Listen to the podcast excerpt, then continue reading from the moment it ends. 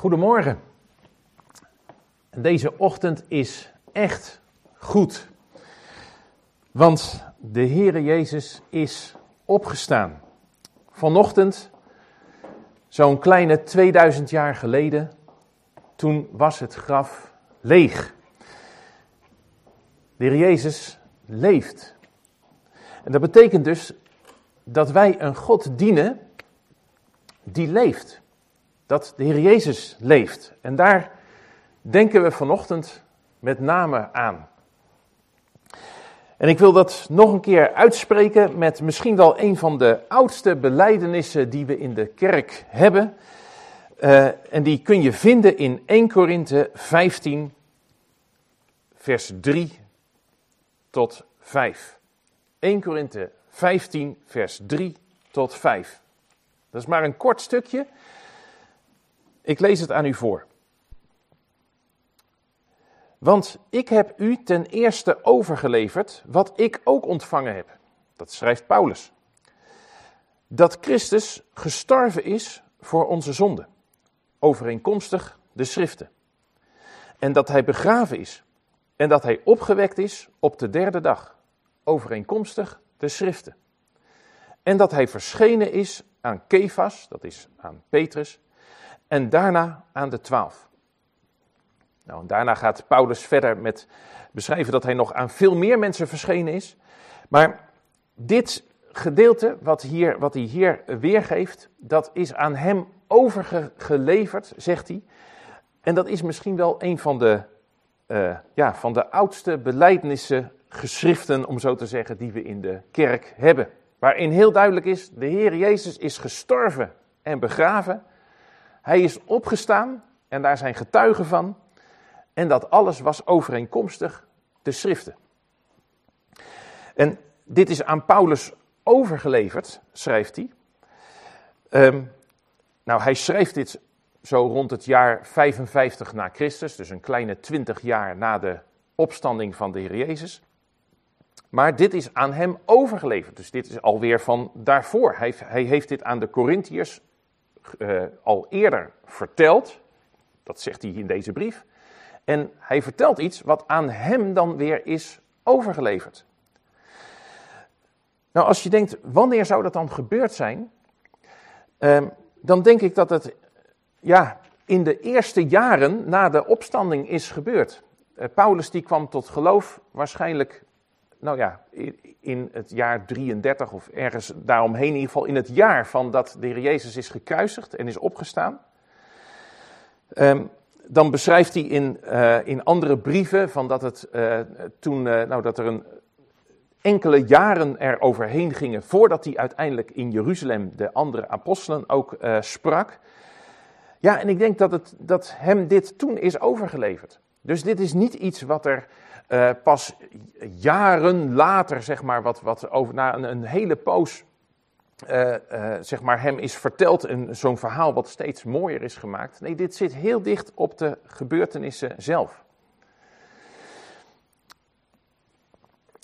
Misschien zeg je, ik weet niet wie allemaal naar deze Zoom-dienst of uiteindelijk YouTube-dienst zullen kijken. En misschien denk je van ja, ik vind het eigenlijk een beetje gek dat je zoiets gelooft, dat Jezus levend is geworden. Um, nou, in dat geval zou ik je aanraden van kijk ook eens nog eens terug naar de dienst van 29 november 2020 van afgelopen jaar. Uh, dan, daar noem ik ook nog een aantal argumenten waarom het volgens mij helemaal niet gek is om dat te geloven. Maar nu vanochtend wil ik, het vooral, wil ik er vooral bij stilstaan van waarom is het nou goed nieuws wat Paulus hier schrijft. Want eh, ja, uh, de kruisiging en de opstanding van de Heer Jezus, die, uh, die kunnen we soms al zo vaak gehoord hebben, dat we daar een beetje aan voorbij gaan eigenlijk wat het nou precies inhoudt. Dat je bij wijze van spreken kunt zeggen, ja, de Heer Jezus is opgestaan. Ja, oh, wil je nog koffie? Weet je al, dat we het terloop zeggen, dat je denkt, ja, we staan daar bijna niet meer bij stil. Nou, en daarom wil ik er uh, vanochtend bij stilstaan van, wat betekent het nou precies? Dat Paulus hier zegt, hij is begraven, sorry, hij is gestorven voor onze zonde. Wat heeft dat nou voor ons te zeggen? En waarom is het nou zo belangrijk dat hij is opgewekt? Zoals Paulus hier zegt. En waarom benadrukt hij nou zo dat dat allemaal is overeenkomstig de schriften? Wat betekent dat nou voor mij en voor jou? Nou, daar wil ik het vanochtend over hebben, over die, die drie punten. Eerste punt dus, Christus is gestorven, zegt Paulus, voor onze zonde.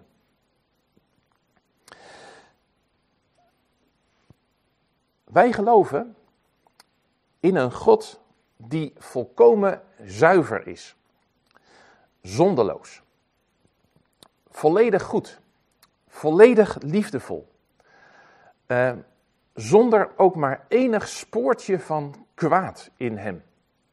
Dat wordt bijvoorbeeld gezegd in 1 Johannes 1. Uh, er is in God totaal niets kwaads, niets verkeerds.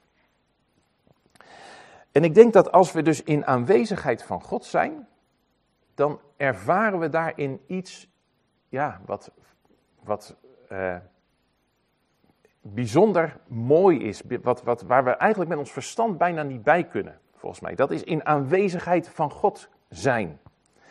Ik denk dat we iets van God, van de, de, het mooie van bij God mogen zijn, dat we dat iets in ervaren in die dingen waar wij het meest van genieten in dit leven.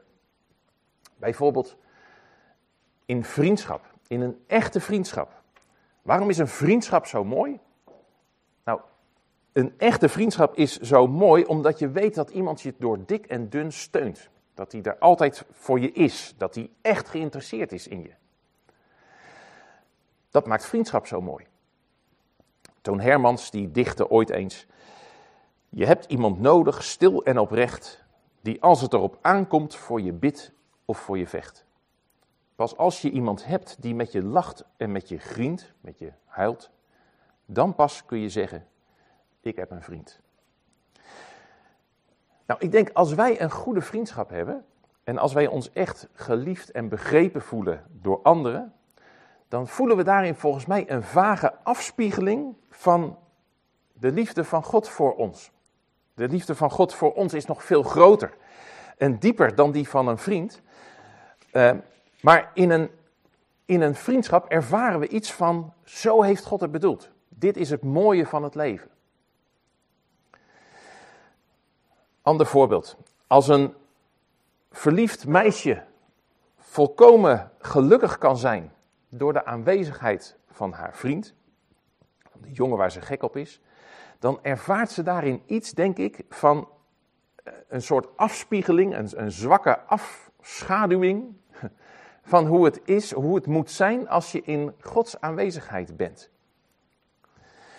Uh, of als wij geraakt zijn door schoonheid, uh, door iets wat, wat, waar we erg van onder de indruk zijn, een ontroerende film, een schilderij wat ons bijzonder aanspreekt, een muzieknummer of een muziekstuk wat, waar we erg door geraakt zijn, dan ervaren we daarin iets van de grootheid van God, want Hij is de bedenker daarvan. Of als je een prachtige zonsopgang ziet. Ik mocht pas, uh, dat is natuurlijk strikt verboden, normaal gesproken, maar ik mocht pas even meespieken in de vrouwen-app. Dat is natuurlijk eh, voor iemand, dat, nou ja, zal niet meer gebeuren. Maar uh, daar zag ik een foto van, uh, die liet Maria mij even zien, van prachtige zonsopgangen die daar met elkaar worden gedeeld. En ook echt foto's die de moeite waard zijn. Dus misschien voor de heren in de gemeente, het is toch wel aan te raden om misschien even aan je vrouw of iemand te vragen of je dat even mag zien. Uh, prachtige foto's van een zonsopgang. Nou, ik denk bij dat soort momenten, daar, daar ervaar je iets van, zo is het leven bedoeld. Zo, dat is het mooie van het leven. Nou, daar ervaren we volgens mij iets van hoe God het bedoeld heeft. Daarin zien we iets van, iets van God. Van de schoonheid, de, de, ja, het prachtige, het zondeloze, het pure van God. Nou, en als je, die, uh, als je kijkt naar die meest mooie dingen en je legt die naast wat je om je heen ook ziet, alle ellende in deze wereld, oorlogen, misbruik, noem maar op. Al dat soort diepe, diepe ellende. Dan kan je niet anders volgens mij dan tot de conclusie komen, hier klopt iets niet. Hier is iets grondig mis. Hier is, dit, dit is niet zoals het bedoeld is. En volgens de Bijbel ligt de schuld daarvan, die ligt bij ons als mensheid, als, als mensen. Uh, natuurlijk is het, uh, je kunt niet zeggen dat uh, wij persoonlijk verantwoordelijk zijn voor al het leed wat je in deze wereld ziet. als je kijkt naar, naar oorlogen of dat soort dingen. Maar als mensheid als geheel wel. Wij, wij hebben dat als mensheid, hebben wij dat soort ellende teweeggebracht. En als je dat dus legt naast hoe God het oorspronkelijk bedoeld heeft, die momenten dus even waar je, waar je enorm van geniet, waar je zo ziet van ja, zo is het bedoeld, en je ziet van wat er geworden is, dan kan het toch eigenlijk niet anders dan dat we daar een diep gevoel van afschuw van hebben. Van dit, dit zit, ligt zo ver uit elkaar. Als je de mooiste momenten van liefdesgeluk leegt naast berichten over kindermisbruik, dan moet je daar toch, dat is toch iets afschuwelijks. Of de rust van die je ervaart bij een, een rustige zomeravond, waar je een avondwandeling maakt en, je legt dat naast allerlei ellende van oorlogsgeweld. Dan moet het toch, dan denk ik, dan moet God dat toch ook ontzettend veel verdriet doen van wat hij ziet, wat wij als mensheid van zijn goede schepping gemaakt hebben. Daar, dat moet God vervullen met afschuw, met woede ook over het, de, ja, over, over het kwaad wat daar is. En nou is het bijzondere wat we gedenken bij Pasen, dat God die woede, die afschuw, op zichzelf heeft laten neerkomen. In de Heer Jezus. En dat is volgens mij wat hier, wat Paulus schrijft wat hij bedoelt, dat Christus gestorven is voor onze zonden. Dat is een verwijzing naar het uh, boek Jezaja. Uh, Jezaja die profeteerde zo'n 800 jaar daarvoor.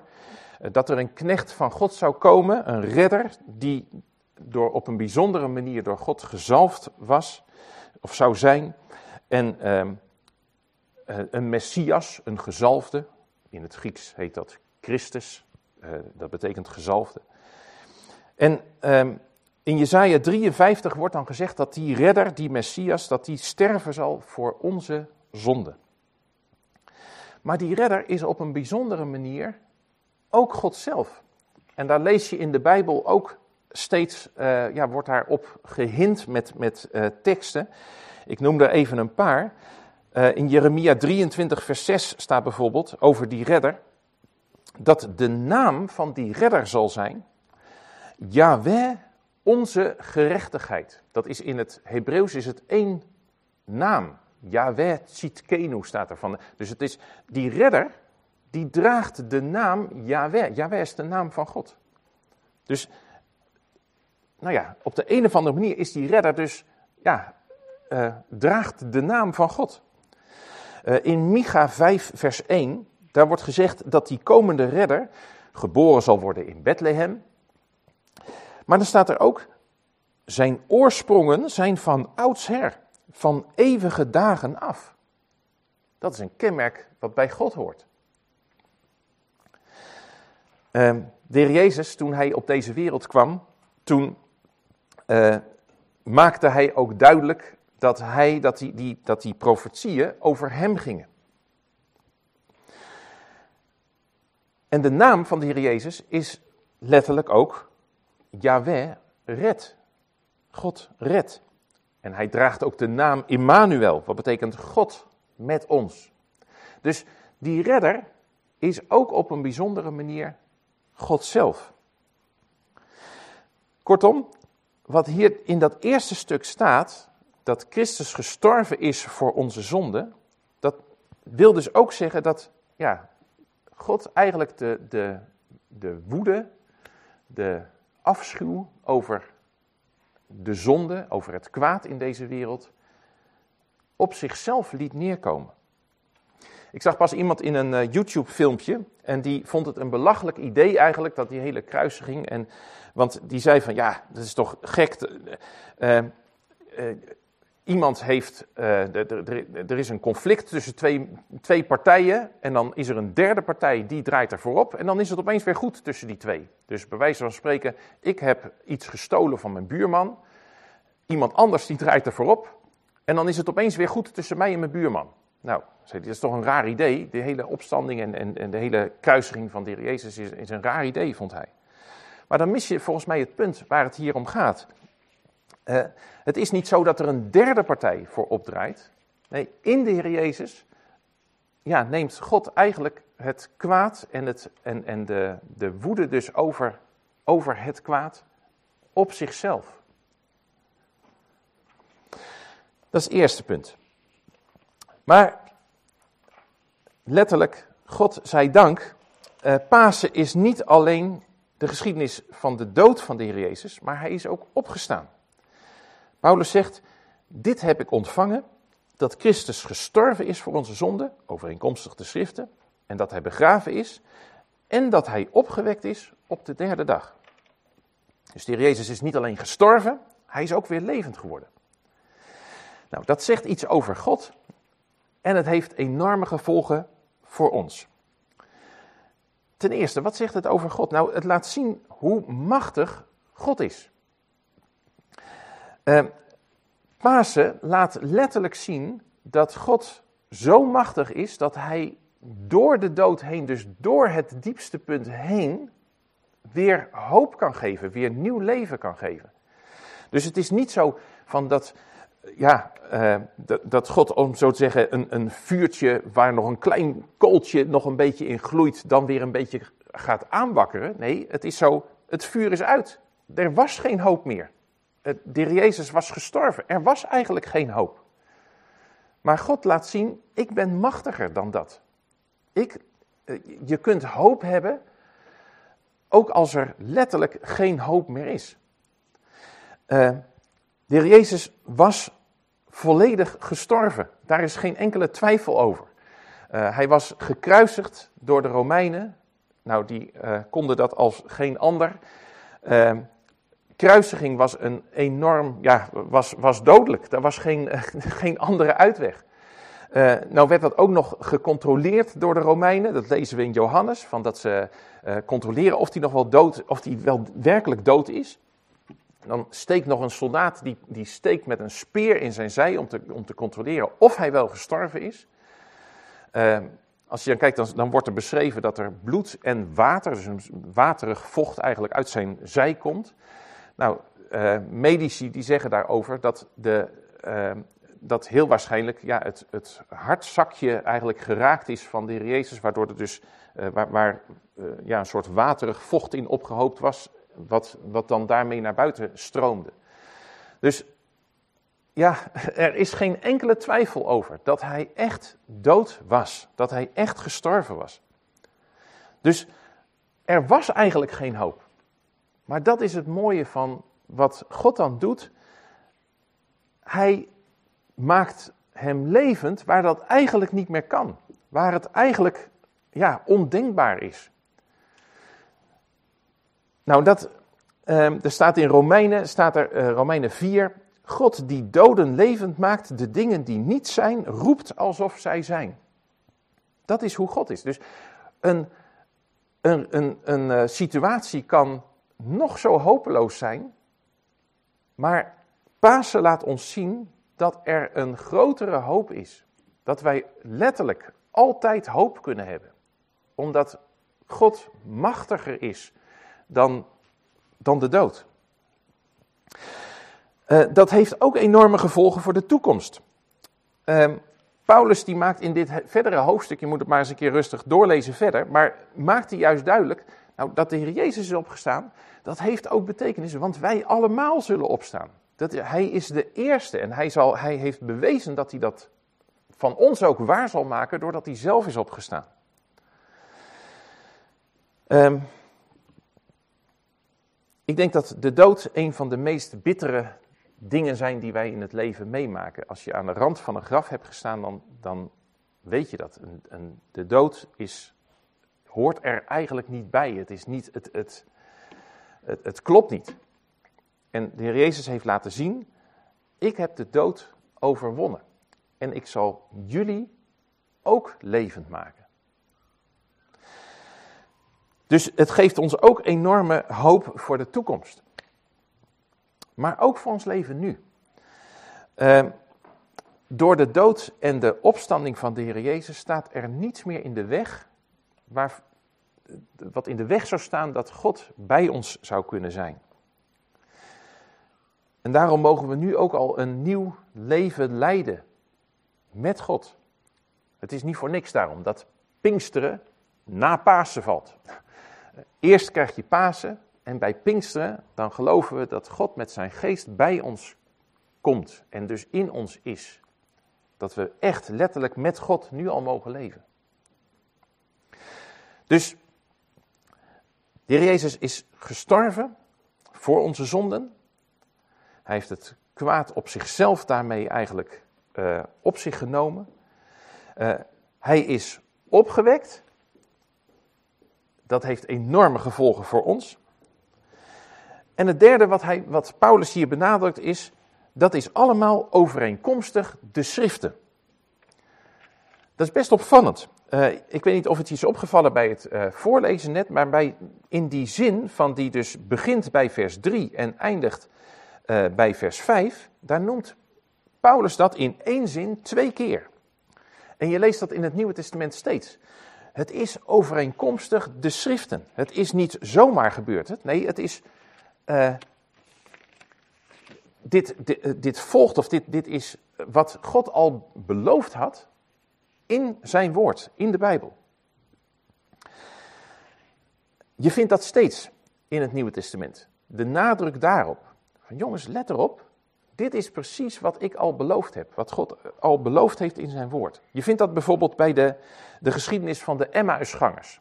Uh, je kunt het nalezen in Lucas 24 twee volgelingen van de Heer Jezus, die gaan na de kruisiging en na de begrafenis van de Heer Jezus, gaan ze de stad uit, Jeruzalem uit en ze gaan naar Emmaus. Daarom heten ze Emmausgangers.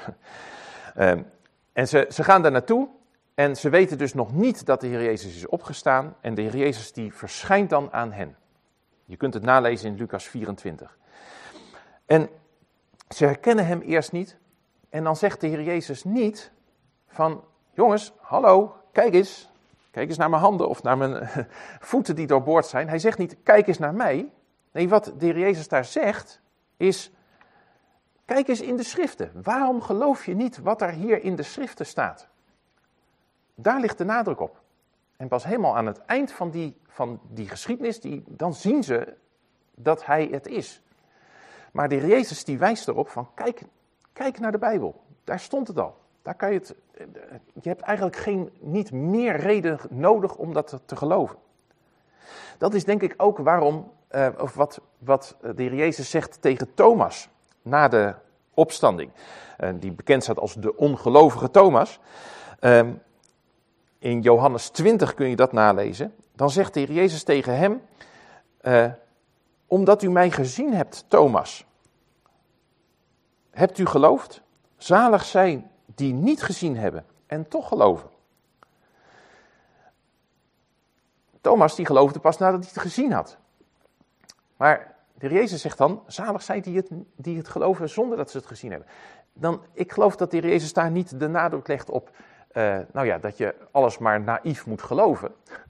Uh, zeg maar, zo zalig zijn die alles, die alles naïef geloven zonder het uh, te checken of zo. Nee, ik denk dat wat de Heer Jezus hier bedoelt, is ook datzelfde wat hij tegen de Emmausgangers zei.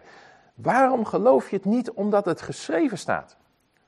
Zalig zij die, die het geloven op grond van mijn woord in de Bijbel, zonder dat ze daar allerlei extra bewijzen voor nodig hebben. Johannes die, uh, noemt het ook uh, een heel aantal keer in, in zijn evangelie in de laatste hoofdstukken van waar hij de, de kruisiging enzovoort beschrijft, daar, dus vanaf ongeveer hoofdstuk 17, dan noemt Johannes het wel zes keer. Zo van, dit is overeenkomstig de schriften. Kijk, dit is ook al vervuld. Kijk, dit is... Elke keer legt hij daar de nadruk op. Nou, wat heeft dat ons te zeggen? Dat de Jezus dus met de kruisiging en de opstanding heeft laten zien dat zijn woord, dat Gods woord in de Bijbel betrouwbaar is. Dat we daarop kunnen bouwen.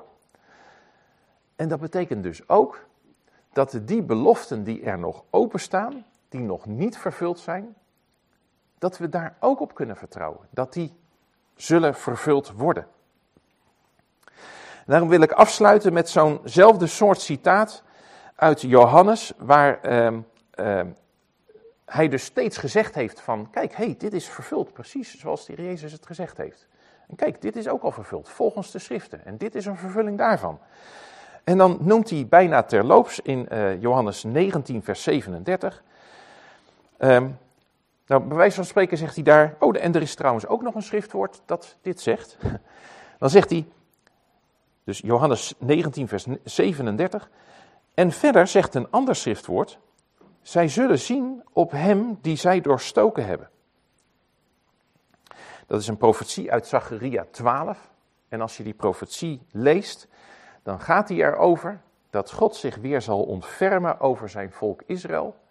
Dat uh, hij hen weer genadig zal zijn en dat het volk Israël hem ook weer zal zien als, oh, hij is degene die wij doorstoken hebben, die wij, uh, ja, die, die, uh, die wij ook kwaad hebben gedaan hier. Uh, en waarin de Jezus en waarin God zijn volk genadig zal zijn. Dus eigenlijk zegt Johannes een beetje zo terloops bijna, ja, en dit, dit zal ook nog gebeuren dus. Het, het, is, het, het is niet alleen maar de, de kruisiging en de opstanding van de Jezus, maar uiteindelijk zal dat leiden tot dat God zich weer ontfermt over zijn volk Israël, over deze wereld. En dat uiteindelijk dus die beloften ook waar zullen zijn, ook zullen worden vervuld. Pasen is een prachtig hoopvol feest. De Jezus is gestorven voor onze zonde. Hij is begraven en hij is opgestaan en dat heeft enorme gevolgen. Wij kunnen meer hoop hebben dan wie dan ook, omdat God door alles heen machtiger is dan wat wij maar kunnen bedenken. Wij zullen zelf ook mogen leven. En hij heeft ook daarmee laten zien dat zijn woord betrouwbaar is. En dat we er dus ook op kunnen bouwen dat die beloften die nog openstaan, ook vervuld gaan worden. Ik wilde graag daarover danken met jullie. Lieve Vader in de hemel, dank u Heren voor uw grote liefde, uw trouw, uw trouw aan ons, maar ook uw trouw aan uw woord. Dank u Heren dat u, ja, dat u alle leed, alle pijn, alle straf, alle woede voor ja, alle ellende op deze wereld op u genomen hebt, Heer Jezus. En dank u dat we, dat, ja, dat we daar met u mee uh, op mogen terugkijken. Dat u leeft en dat, uh, dat u de dood hebt overwonnen. En heren, dank u dat u trouw bent aan uw woord. Dat we er zeker van mogen zijn dat u de beloften in uw woord zult vervullen. Ook die nog in de toekomst liggen, die, die woorden die nog vervuld moeten worden. Heren, daar wil ik u voor danken. Ik wil u danken voor uw almacht, voor uw liefde. Heren, dank u voor uh, ja, dat u van ons houdt. En heren, wij houden ook van u. Om Jezus wil. Amen.